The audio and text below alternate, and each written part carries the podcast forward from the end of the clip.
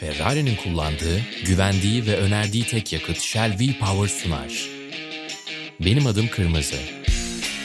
70 yılı aşkın inovasyon ortaklığından ilham alan 5 bölümlük bir podcast serisi.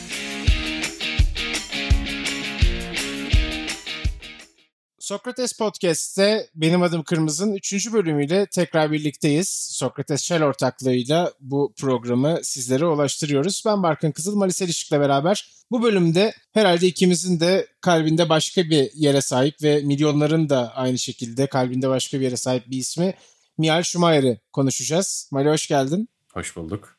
Tabii hani başlayabileceğimiz çok fazla nokta var Schumacher'in kariyerine. Şöyle bir değerlendireceksek, geriye dönüp bakacaksak ama o yarışmayı bırakana kadar 7 şampiyonluk, 91 yarış galibiyeti, 68 pole pozisyonuyla çok fazla kırılması öngörülemeyen ve herhalde bu işin çıtasını zirveye koydu dediğimiz bir kariyeri arkasında bırakarak emekliliğe gitti. Ama tabii bugünün şartlarında bu rekorların bazıları geçilse de herhalde Schumacher'in yeri hep bambaşka kalacak. E tabii çünkü yani özellikle Mihail Schumacher iş etiğine bakışıyla birlikte Formula 1 pilotunun günümüzdeki halini ilk e, şekillendiren adam oldu. Yani prototip oydu. Yani dönem dönem bakıyorsunuz işte bu yine podcast serisinde Jose Froilan Gonzalez'den bahsettik. E, onun zamandaki pilotların daha farklı fiziksel yapıya sahip olduğunu, daha farklı gereklilikleri taşıdığından bahsetmiştik. E, ama Michael Schumacher gerçek anlamda 7 gün 24 saat bir sporcu olarak ve bir Formula 1 pilotu olarak yaşanması gerektiğini ve o disiplin tutturulduğu zaman nasıl kusursuz bir e, operasyon ortaya çıkabileceğini gösterdi. Ve bence o yüzden dengeleri değiştirdi. Yani Michael Schumacher Ferrari sonrasında sporu domine eden bütün takımlar, bütün organizasyonlar, bütün operasyonlar daha doğrusu örnek olarak Ferrari ve Schumacher'i aldılar. O, o, o yapıyla birlikte, o temelle birlikte başka bir yere taşıdılar ve bence o açıdan gerçekten oyunu değiştiren bir adam oldu. Sadece Michael Schumacher değil tabii ki Jean Todt, Ross Brawn ve Ferrari'nin tasarımcısı Rory Byrne. O yüzden o açıdaki ortaklıklar o dönem başlayan 1996'da Michael Schumacher'in Ferrari ile gelişiyle başlayan ortaklık ve kurdukları o ekip e, hakikaten çok önemli. Ve tabii ki uzun süre Ferrari'nin şampiyonluktan uzak kaldığı bir dönem sonrasında Michael Schumacher'in gelmesi. O açıdan 1996'yı bir milat olarak belirliyor bence Formula 1'in en köklü takımı için. Evet senin de bahsettiğin gibi aslında Rüya takımın yıldız ismiydi. Direksiyonun başındaki isimdi. Ve 1979 yılından bu yana Ferrari'de bir pilotlar şampiyonluğu arıyordu. Bugün geriye dönüp baktığımız zaman Formula 1 tarihinin en başarılı takımı Ferrari ama bunda bu çok köklü tarihte aslında altın yıllar kabul edilebilecek yılların da biraz Schumacher dönemiyle beraber geldiğini söylemek herhalde yanlış olmaz. Gelen üst üste 5 şampiyonluk ve aslında çok uzun yıllardır aranan şampiyonluklar demek lazım bunlara. Modern dönemlerde Ferrari'nin eski günlerini aradığı yılların bitimini işaret eden bir dönemin sayfasını açan isim Michael Schumacher. O yıllarda zaten bizim jenerasyonumuzun da aşağı yukarı Formula 1'i izlemeye, sevmeye başladığı yıllara denk geliyor ve özellikle McLaren'lerle olan mücadeleyle biz de belki Formula 1 startını verdik en azından kendim adına bunu söyleyebilirim. Herhalde senin için de geçerlidir. E tabii öyle yani hep söylüyoruz zaten aslında bu podcast serisine de ismini veren benim adım Kırmızı. Yarış otomobili çizin dendiğinde veya bir yarış otomobili düşünüldüğünde bir Formula 1 aracı düşünüldüğünde ya çocukken kırmızı bir araç çiziyorduk çoğumuz. Hepimiz belki de. Ve hep düşünüldüğünde Ferrari ile birlikte Michael Schumacher'i düşünüyorsunuz ve o hızı, tutkuyu, başarıyı genellikle o kırmızı renk hatırlatıyor. Tabii ki böyle hatırlanmasının sebebi de 2000'lerin başında yakalanan bu müthiş seri yani onun dışında öncesinde tabii ki Ferrari çok güçlü, ciddi köklü belki bir marka ama eğer Michael Schumacher'in dönemi olmasaydı, o dönemi çıkartsaydık belki o etkiyi yaratamayacaktı bizim neslimiz ve sonrakiler üzerinde. E, o açıdan da çok kilit bir noktada. Hem tabii ki dünyanın daha fazla ulaşılabilir olmaya başladığı bir dönemde bunu yapıyor olmaları çok e, önemli. Ve hepsi bir arada değerlendirildiğinde gerçekten kültürel anlamda da hepimizi etkileyen bir başarıydı. Çünkü dünyanın en iyi pilotu Michael Schumacher'di. Dünyanın en iyi takımı Ferrari'ydi. Ve otomobil sporları olarak bakıldığı zaman da yani bütün dünyanın oturup izlediği yani çok ciddi coğrafyalara yayılan sadece bir pazar özelinde değil atıyorum NBA'de mesela çok başka bir seviyede. E, ama daha belli bir coğrafya üzerine kısıtlı diyebileceğimiz bir noktadaydı belki de. O o zamanlar daha fazla açılıyordu dünyaya. Formula 1 belki katılım anlamında da baktığınızda bütün dünyanın işin içerisinde olduğu bir organizasyon. Ve o dönemde o zirve döneminde Michael Schumacher en tepedeydi. Hala da çoğumuza göre en tepede tabii ki. Bu yıldan baktığımız zaman şu anda yarışan Formula 1 pilotları için de idol olmuş bir isim. Çoğu pilot için en azından öyle söyleyebiliriz. Ve uzun kariyerinin sadece Ferrari dönemi değil hem öncesindeki Benetton dönemi hem sonrasındaki Mercedes döneminde de hızlı olduğunu ve işte aslında yeteneklerinden çok fazla bir şey kaybetmediğinde ya da o potansiyelini her zaman pistte sergileyebildiğini, daha doğrusu pistte gösterebildiğini de istikrarlı biçimde yansıtmış bir isim. Ve en önemli özelliklerinden bir tanesi de muhtemelen yağmur altındaki performansları. Öyle ki Ferrari ile ilk galibiyette 1996 yılında İspanya Grand Prix'sinde yağmurlu bir yarışta gelmişti. O dönem Ferrari otomobili henüz çok dominant dönemine, sürekli olarak favori görüldüğü döneme ulaşmamıştı. Ondan hemen hemen herhalde bir sene öncesindeydik diyebiliriz. Ve bu galibiyet belki de bazı kapıları açmıştı. Pist üzerinde de Janelesi ve Jacques Villeneuve'ü geçmeyi başarmıştı Michael Schumacher. O şekilde bir merhaba demişti Ferrari'ye. Zaten sonrasını çok yakından biliyoruz. Gelen sayısız yarış galibiyeti. Yani evet 96 Barcelona klasik Michael Schumacher galibiyeti diyebiliriz. Ve aslında 96'daki aracı bile gelir gelmez Michael Schumacher daha iyi hale getiriyor. Ee, yine 96'da testlere bakıldığı zaman ilk bölüme bakıldığı zaman sezonda burnu yere daha yakın e, alçak burunlu bir araç kullanıyorlar. E, ama sonrasında Michael Schumacher'in de geri dönüşüyle birlikte yani feedback ile birlikte o araç daha farklı bir noktaya geliyor ve hemen takımla birlikte çalışıp gelir gelmez o verdiği geri dönüşlerle birlikte aracın performansını almaya başlıyorlar. Tabi burada teknik ortaklıklar da çok önemli. İlerleyen yıllarda biraz daha fazla onun faydasını görüyorlar zaten onu konuşacağız. E, ama 96 gerçekten tipik bir Rainmaster, yağmur ustası Michael Schumacher galibiyeti ve her şeyin başlangıcı olarak da çok yakışıyor ya. Tabii yağmurda sürüş yapmak aslında çok önemli bir pilotluk göstergesi ve Yağmur'un üstadı lakabı öyle herkese verilecek bir ünvan değil. Bu anlamda da zaten teknik yönünde çalışkanlığı kadar üstün olduğunu ifade etmemiz lazım ya Schumacher'ın. Tabii ki bu kadar uzun yıllar aslında istikrarı sürdürebilmek de çok kolay bir iş değil. Tabii ki burada işte senin de bahsettiğin o ortaklıklar ve destek faktörleri de ortaya çıkıyor olsa gerek. Evet yani tabii. Bir de tabii e, senin de söylediğin gibi adaptif bir sürüşünüz olması gerekiyor. Ne olursa olsun yağmur altında iyi olabilmek için. Schumacher'in detaylı ayar yapma konusunda mesela bazen takım arkadaşlarından bir adım geride olduğunu bile söylüyorlar. Çünkü her şartta aracı gayet güzel bir şekilde kullanıp ya benim için problem değildi diyebiliyor. Ama daha büyük resme bakıldığı zaman aracın tasarım felsefesi nasıl olacak, nereye gidilecek, ne ön plana çıkarılacak gibi yönlendirmeler konusunda bütün takımı etrafında toplayabilen ve birlikte iyi işler yapabilen bir adam. Ki zaten e, sınırsız testlerin olduğu dönemde çok başka bir Formula 1'den bahsediyoruz. Yani günümüzden çok daha farklı tabii ki.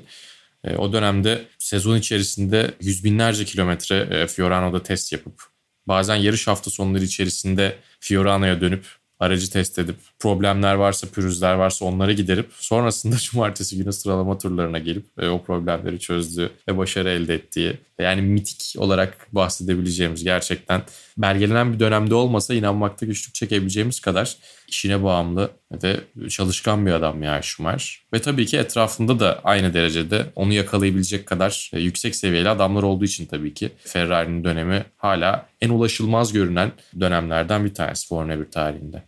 Aslında tabii sen ayar konusunda bazen yarım adım geride olabildiğini söyledin ama yarış zekası anlamında kesinlikle geride değil hatta muhtemelen ileride de. Tabii. Öyle ki çok tecrübeli bir sürücü değilken ilk yarış galibiyetini aldığı Spa pistinde 1992'de kendisi bir stratejik karar veriyor ve öncesinde yağmur yağan günde kuru zemin lastiklerine geçmeye karar veriyor ve bu karar ona yarış galibiyetini getiriyor. Aslında Formula 1 tabii ki bir tam paket. Onun her zaman farkında olmak lazım. Yani sadece hız ya da sadece dayanıklılık ya da sadece iyi sürüş yapmak sizi şampiyonluğa taşımıyor. Dolayısıyla hem takım halinde çok başarılı olmanız lazım hem doğru kararları vermeniz lazım hem akıllı olmanız lazım hem de doğru bir yapının içinde bunları sağlamanız lazım. Senin de bahsettiğin gibi rüya kadro, çok iyi otomobil ve elbette Ferrari takımıyla beraber burada sponsorumuz Shell'in de adını almamız lazım. Getirilen sponsorluklar, birliktelikler bütün bu faktörlerin bir araya gelmesiyle gelen bir dominasyon. Aslında tarihe baktığımız zaman da bu her zaman böyle olmuştur herhalde. Bir de şöyle bir durum var. Yani belki diyoruz hani dünya gerçekten daha kolay ulaşılabilir bir hale geliyordu. Dünyada olan şeyleri izleyebiliyorduk. Ama bir taraftan her şey çok fazla ulaşılabilir olmadığı için birkaç tane kültürel dal öne çıkıyordu. Yani spor içerisinde de. Dolayısıyla yani çok spesifik bir spor dalı takip ediyorsanız şimdi hiçbir şekilde hani müsabaka kaçırmadan her şeyi takip edebiliyorsunuz. Ama eskiden ulaşılabilir şeyler de o anlamda kısıtlıydı belki. Onun da avantajı çok böyle iyi bir noktadalardı ve kültürel anlamda da bütün dünyayı etkileyen bir hegemonyaydı aslında Ferrari ile Schumacher'in hegemonyası. O açıdan bakıldığında da e, akıllarda pek çok Aa hatırlıyorum ben bunu diyeceğiniz şey vardır. Belki izlemişsinizdir. 1997'de mesela Mojave Çölü'nde bir yakıt ikmali reklamı var Shell'in. Orada tam böyle 90'ların havasını yakalıyorsun aslında. Kocaman bir e, yakıt tankeri uçağından 1997 Ferrari Formula 1 aracının üzerine o işte yakıt hortumu geliyor. Şey yapıyorlar o yakıt ikmalini yapıyorlar ama görüntüler işte o aradaki katlar şunlar bunlar falan tamamen böyle 1990'ların havasını ruhunu yansıtıyor.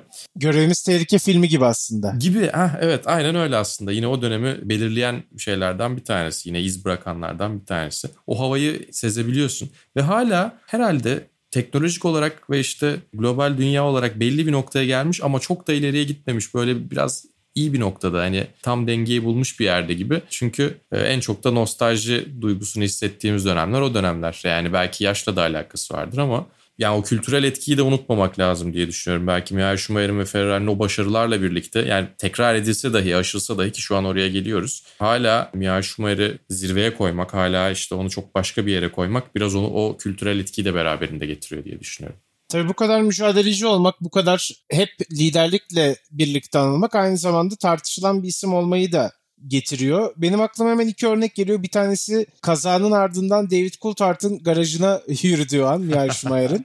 98 Spa. 98 aynen. Bir diğeri de 1998 Britanya Grand Prix'sinde son iki turda ceza aldıktan sonra çok zeki bir biçimde cezasını pit alanında ceza çekmesi gerekiyor. Hemen olayı da biraz açıklayayım. Ve bir 10 saniyelik ceza ya da bir dur kalk cezası durumu söz konusu. O cezayı yarışın son turunda pit alanına gelerek kazanarak çekiyor ve bunun üstüne çok fazla işte tartışma oluyor ama nihayetinde Ferrari'nin haklı olduğu ortaya çıkıyor ve yarış galibiyeti Michael Schumacher'e gidiyor.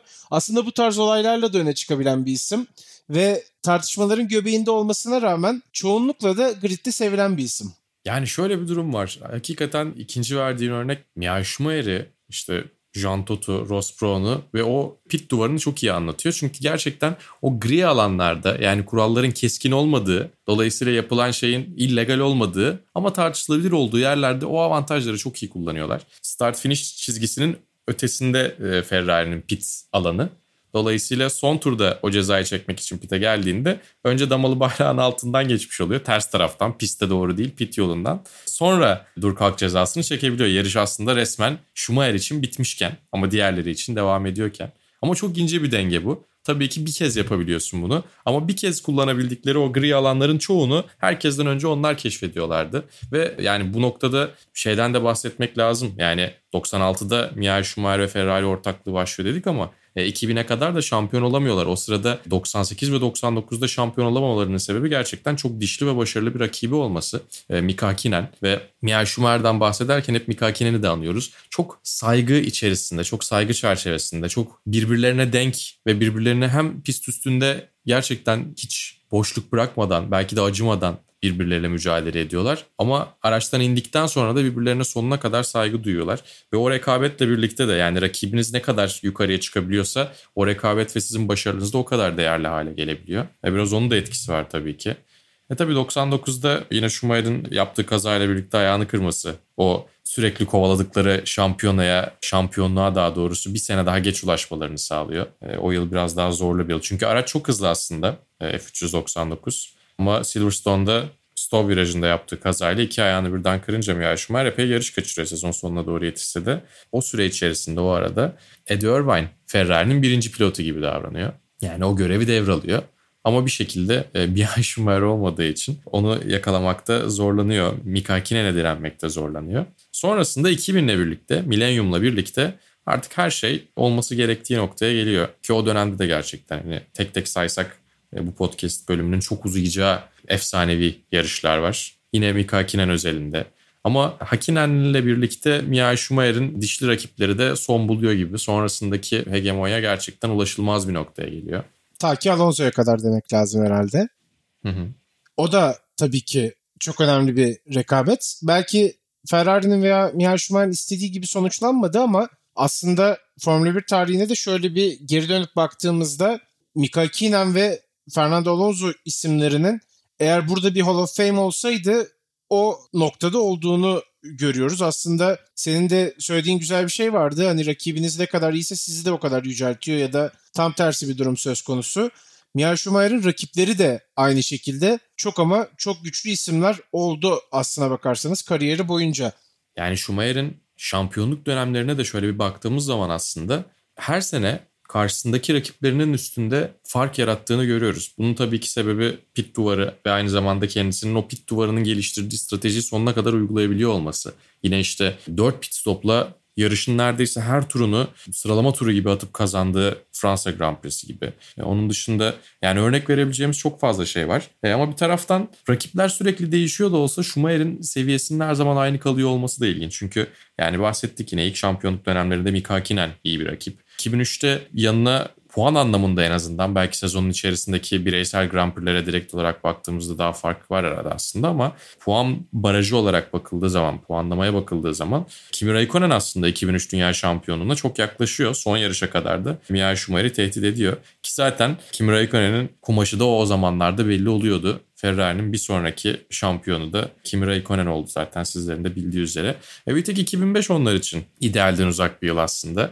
Yani 2004 şampiyonluğundan sonra artık 5 kez üst üste gelen şampiyonluktan sonra o hegemonyayı kırmak için gelen aslında kural değişiklikleri, yarış içerisinde lastiklerin değişmeme kuralı ile birlikte daha dayanıklı olabilen, daha bu konuda az problem yaşayan Michelin lastikler Ferrari ve birkaç takımın daha yarıştığı Bristol'lardan daha avantajlıydı. O 2005'teki kötü yıldan sonra bile toparlayıp 2006'da şampiyonluk için mücadele edecek bir seviyeye gelmişlerdi. Ve orada da Michael Schumacher Ferrari ile olan son senesinde de e, yine takımı bir şekilde etrafında topladı ve sonunda şampiyon olamasa da ilk emekliliğinin son senesinde e, güzel de böyle bir Monza'yı kazandıktan sonra o emekliliği ilan edişiyle birlikte güzel bir nokta koymuştu. Ama aynı zamanda Schumacher sonrası dönemde de Ferrari'nin o temeli kullandığını, Schumacher'in ve işte e, Jean Tot'un, Ross Brown'un, Rory Byrne'ın attığı temeli kullandığını çok rahatlıkla söyleyebiliriz. Ki zaten 2010'lara e, geldiğimiz hatta 2000'lerin ortası ve sonu ve 2010'lara geldiğimizde onun faydasını da çok fazla gördüler. Benim adım Kırmızı'nın 3. bölümünü yavaş yavaş kapatacağız. Az önce senin de bahsettiğin gibi bir sonraki bölümümüzde Ferrari'nin son şampiyonunu Kimi Raikkonen'i konuşacağız.